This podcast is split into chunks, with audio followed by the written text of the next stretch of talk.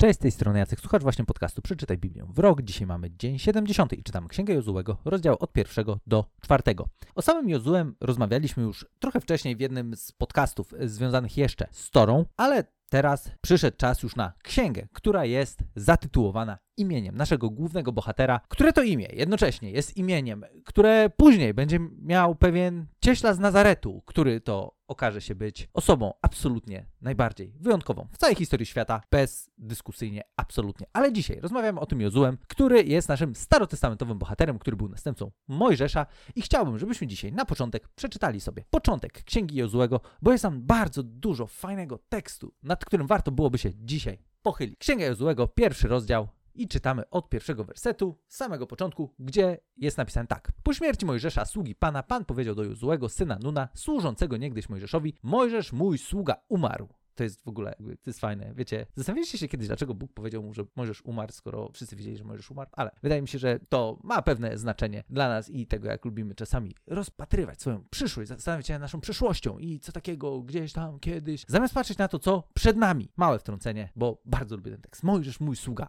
umarł. Kiedy my czasami, a kiedyś to było, a kiedyś to było. Ale nie ma tego, Mojżesz, mój sługa, umarł. Czytamy dalej. Wstań więc teraz i wraz z całym ludem przepraw się przez Jordan do ziemi, którą ja, synu Izraela, daję. Daję wam każde miejsce, na którym stanie wasza stopa, jak obiecałem Mojżeszowi. Wasza granica rozciągać się będzie od pustyni poprzez Liban, aż do wielkiej rzeki, rzeki Eufrat. Obejmować będzie cały kraj Hetytów, aż do Morza Wielkiego na zachodzie. Nikt się przed tobą nie ostoi po wszystkie dni twojego życia. Jak byłem z Mojżeszem, tak będę z tobą. Nie porzucę cię, ani cię nie opuszczę. Bądź mocny i mężny, ty bowiem oddasz w dziedzictwo temu ludowi ziemię, którą im dam, jak przysiągłem ich ojcom. Tylko bądź mocny i mężny, by pilnować postępowania zgodnie z całym tym prawem, które nadał ci Mojżesz mój sługa. Nie odstępuj od niego ani w prawo, ani w lewo, po to, aby cię dobrze wiodło wszędzie, dokądkolwiek pójdziesz. Niech ten zwój prawa nie oddala się od twoich ust, ale rozważaj go dniem i nocą, by postępować zgodnie z tym wszystkim, co zostało w nim napisane, bo wtedy poszczęści się twojej drodze i wtedy będzie ci się dobrze wiodło. Jeszcze raz cię wzywam, bądź moc,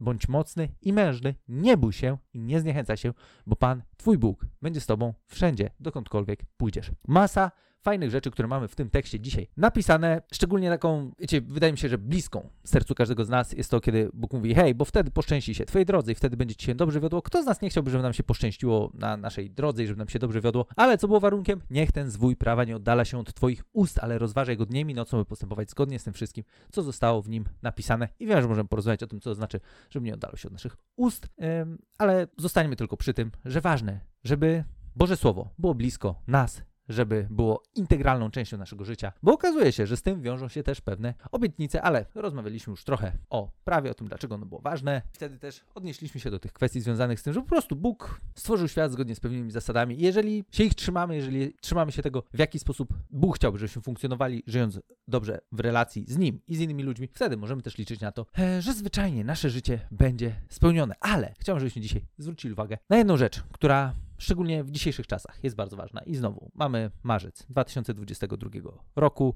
Po 2020 już myśleliśmy, że gorzej nie będzie, a tak naprawdę znowu jest syf, znowu jest ciężko. I znowu może być tak, że niektórzy z nas się obawiają. Szczególnie jest to bliskie nam, którzy mieszkamy w Polsce bo tak naprawdę okazuje się, że z naszą granicą dzieją się absolutnie tragiczne, nie do pomyślenia, nie do opisania i e, też nie bardzo do usprawiedliwienia rzeczy, które wpływają często na to, że zaczynamy się trochę obawiać. I wiecie, mam trochę znajomych ze Stanów, którzy komentują tą sytuację, która dzieje się za naszą wschodnią granicą i powiem wam szczerze, że mi czasami ręce opadają, bo oni naprawdę nie mają pojęcia o czym piszą. Kiedy widzę ich komentarze w mediach społecznościowych, nawet z niektórymi już trochę rozmawiałem, mówię, wiecie co, weź, jak, jak, naprawdę coś będzie się działo przy waszej granicy, to wtedy, wtedy będziecie trochę inaczej na to patrzył. Tak, to mamy mędrców z kosmosu, którzy po prostu zwyczajnie nie czują tego, co tutaj się dzieje. My czujemy i wielu z nas czuje to, że hej, że to już jest, to jest blisko i pomimo tego, że tak wiele tragedii dzieje się na świecie, każdego dnia, w innych częściach świata, to dzisiaj szczególnie my odczuwamy pewne niebezpieczeństwo, bo zagrożenie jest blisko. I dzisiaj też Bóg mówi do Jozuego, który ma przed sobą do zrealizowania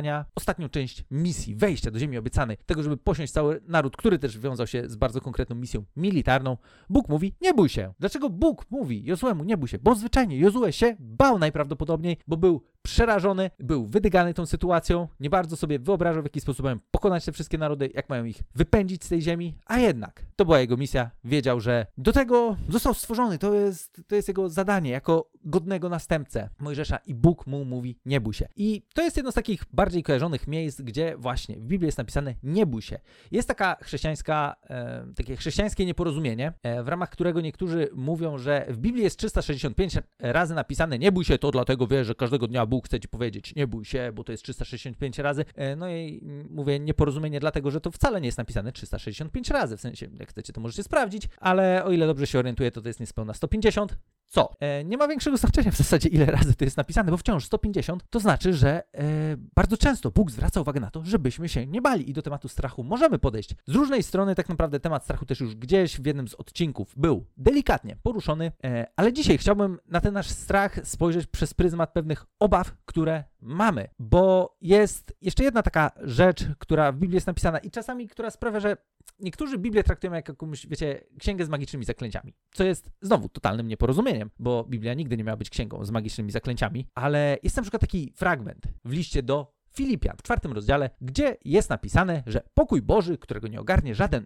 umysł będzie w Chrystusie Jezusie strzegł waszych serc i myśli. I wiecie, czasami znam ludzi, którzy potrafią sobie właśnie, wiecie, zapamiętać ten fragment, powtarzać go i po prostu pokój Boży, pokój Boży, bo po prostu jest jakiś niepokój, jest jakiś strach, są jakieś obawy w naszym życiu i wtedy często jesteśmy wydygani i zastanawiamy się, ej, w ogóle, co mam teraz zrobić? Oni sobie, wiecie, powtarzam, a pokój Boży, który, którego nie ogarnie żaden umysł, będzie w Chrystusie Jezusie strzegł waszych serc i myśli, fajnie, ale przeczytajmy, co jest napisane wcześniej, bo tak naprawdę to, żeby Boży pokój nas ogarnął, żeby, żeby ten pokój przezwyciężył strach, który jest naszym życiu, ma prawo zadziałać w momencie, jeżeli my skorzystamy z tego, co jest napisane kilka wersetów wcześniej. Więc zerknijmy sobie na list do Filipian, czwarty rozdział, od czwartego wersetu. Ten fragment, który przeczytałem, to był siódmy, więc od czwartego do siódmego przeczytajmy sobie tak. Radujcie się w Panu zawsze, powtarzam, radujcie się. To już jest dobry początek. Bądźcie znani wszystkim ze swojej rzetelności. Pan jest blisko. Przestańcie martwić się o cokolwiek. Raczej w każdej sprawie, gdy się modlicie i prosicie z wdzięcznością, przedstawiajcie swoje potrzeby Bogu. Ten czwarty i piąty są naprawdę fajne, więc chciałem je przeczytać, ale najbardziej chodziło mi o ten szósty werset, gdzie jest napisane: Przestańcie martwić się o cokolwiek. Raczej w każdej sprawie, gdy się modlicie i prosicie, z wdzięcznością przedstawiacie swoje potrzeby Bogu. Jeżeli chcemy doświadczać Bożego pokoju, który jest kontynuacją tego, co jest w wersecie szóstym, bo właśnie siódmy werset, a pokój Boży, którego nie ogarnie żaden umysł, będzie w Chrystusie Jezusie strzeg waszych serc i myśli. Chcemy doświadczyć tego, co jest w wersecie siódmym, to zastosujmy to, co jest w wersecie szóstym. A werset szósty jest bardzo, ale to bardzo praktyczny, niebywale praktyczny, bo na początku Bóg mówi, nie martwcie się o cokolwiek, przestańcie się martwić, po cholerę się martwisz. I tak nic z tym nie możesz zrobić. No chyba, że możesz coś z tym zrobić, to zrób coś. A jeżeli możesz z tym nic zrobić, to się nie martw. A jak masz się nie martwić? No właśnie, jest sprawdzony sposób na to, jak się nie martwić. W każdej sprawie, w każdej sprawie, nie w małych sprawach i, czy w większych sprawach, tylko w każdej. Nie ma dla Boga mały, za małych spraw, za dużych spraw, za jakichś spraw. Wszystkie sprawy, które nas dotykają, które sprawiają, że pojawia się zmartwienie, obawy, strach w naszym życiu, to są rzeczy, które jak najbardziej Boga interesują, bo Jego interesuje to, żebyśmy mogli doświadczać Jego pokoju którego żaden umysł nie ogarnie, co ciekawe. W każdej sprawie, gdy się modlicie i prosicie, to jest niezłe, wiecie, to zakłada, że się modlimy i prosimy. To ja rozumiem, że możesz to czytać i nie, możesz tego słuchać możesz nie być y, osobą szczególnie wierzącą, może modlącą się, może dopiero gdzieś tam rozkminiać, czy to w ogóle ma sens, czy nie ma sensu. No tutaj jednak wa właśnie ważne założenie jest takie, że, że w ogóle się modlimy i prosimy, więc modlimy się, spędzamy czas z Bogiem, e, zanosimy e, przed Niego jakieś nasze prośby, jakieś nasze problemy. I kiedy to robimy, z wdzięcznością przedstawiamy swoje potrzeby Bogu. Jeżeli mam jakąś potrzebę, to spokojnie mogę ją Bogu przedstawić. Z wdzięcznością. Skąd ta wdzięczność? No wdzięczność może wynikać zwyczajnie z tego, że jak też już przybiliśmy się przez cały pięcioksiąg i widzimy, w ostatnim odcinku też rozmawialiśmy o tym, Bóg dotrzymuje swojego słowa. Możemy być wdzięczni chociażby za to, że Bóg dotrzymuje swojego słowa. Ale Biblia nie jest księgą tajemnych zaklęć. To nie jest tak, że będziemy sobie powtarzać jeden fragment, wyrywając go z kontekstu, nie patrząc na to, co jest napisane dookoła i nagle coś się będzie działo. Znaczy nie mówię, żebyśmy nie powtarzali sobie fragmentów, żebyśmy nie uczyli się może jakichś fragmentów na pamięć. To jest, to jest wartościowe, to jest cenne, warto to robić. To jest, to jest ważne, żeby było jasne. Ja nie mówię, że nie, ale pamiętajmy, że jeżeli chcemy mówić na przykład o Bożym pokoju, to pamiętajmy o tym, że chwilę wcześniej jest wyraźnie napisane, przestańcie martwić się o cokolwiek, nie martwcie się. W każdej sprawie, gdy się modlicie i prosicie, z wdzięcznością przedstawiacie potrzeby swoje Bogu. Czyli jeżeli chciałbyś osiągnąć stan pokoju w swoim życiu, doświadczyć pokoju, którego nie ogarnie żaden umysł, który też będzie strzegł naszych serc i myśli, to możemy to zrobić w ten sposób, że dbamy o to, żeby się modlić i z wdzięcznością przedstawiajmy potrzeby swojej Bogu. Po prostu bądźmy z Bogiem szczerzy. Naprawdę, bądźmy z Bogiem szczerzy. On i tak wie, co z nami jest nie tak. I tak wie, że jesteśmy tacy, jacy jesteśmy. E, jeżeli będziemy, wiecie, robić czopki, tam, wiecie, jakieś, wyszukiwać jakichś takich mądrych, górnolotnych słów, no to nie ma sensu, no bo, wiecie, my mówimy o interakcji z osobą, która zna nas lepiej niż ktokolwiek, która w zasadzie nie potrzebuje nawet tego, żebyśmy mu mówili, co u nas się dzieje, tak niby, bo, bo wie, bo wie, co u nas się dzieje. Ale właśnie, niektórzy mówią, ale skoro Bóg wie, co u mnie się dzieje, wie, co mnie martwi, to po co mamy o tym mówić? E, no właśnie po to, żebyś ty sobie uświadomił, co, co, co ciebie martwi, co, co cię gdzieś gryzie, co cię trapi. Tak naprawdę w tej modlitwie to, że przedstawiamy pewne rzeczy Bogu, pomaga nam odkrywać to, co w nas siedzi. Bóg o tym doskonale wie, ale kiedy przed Nim w uczciwości, szczerości stajemy, klękamy, jakkolwiek wolicie, to możemy być spokojni o to, że Bóg pomoże nam odkryć to, co w nas siedzi. I jednocześnie ma możliwość dać nam doświadczyć pokoju, którego nie ogarnie żaden umysł, który w Chrystusie Jezusie będzie strzegł naszych serc oraz myśli. Jeżeli martwicie to, co się dzieje za naszą wschodnią granicą, albo martwicie cokolwiek innego, co dzieje się w Twojej rodzinie, co dzieje się u Ciebie w pracy, jeżeli są takie rzeczy w modlitwie, z wdzięcznością, przedstaw swoje potrzeby Bogu. Powiedz o tym Bogu, bądź z Nim szczery. Po prostu. I zobacz, czy rzeczywiście to nie zadziała, czy to nie sprawi, że nagle, kiedy będziesz blisko Boga, kiedy będziesz rozumiał, że Boże obietnice są pewne, że Boże Słowo jest sprawdzone, że jest warte tego, żeby na nim opierać swoje życie, czy wtedy nie doświadczysz Bożego pokoju, który naprawdę pomoże nam przejść przez życie, patrząc na nie z całkiem innej perspektywy niż ludzie, którzy zwyczajnie tej nadziei w Bogu nie mają. I jednocześnie naszym zadaniem w tym wszystkim będzie to, żeby tą nadzieję nieść do tych, którzy jej dzisiaj nie mają, żeby nieść pomoc do tych, którzy pomocy potrzebują, po to, żeby realizować to najważniejsze przekazanie kochać Boga, kochać ludzi. To jest to, co pomoże nam żyć życiem, które będzie wartościowe dla Boga, będzie wartościowe dla innych, a dla nas będzie zwyczajnie życiem spełnionym, szczęśliwym, nawet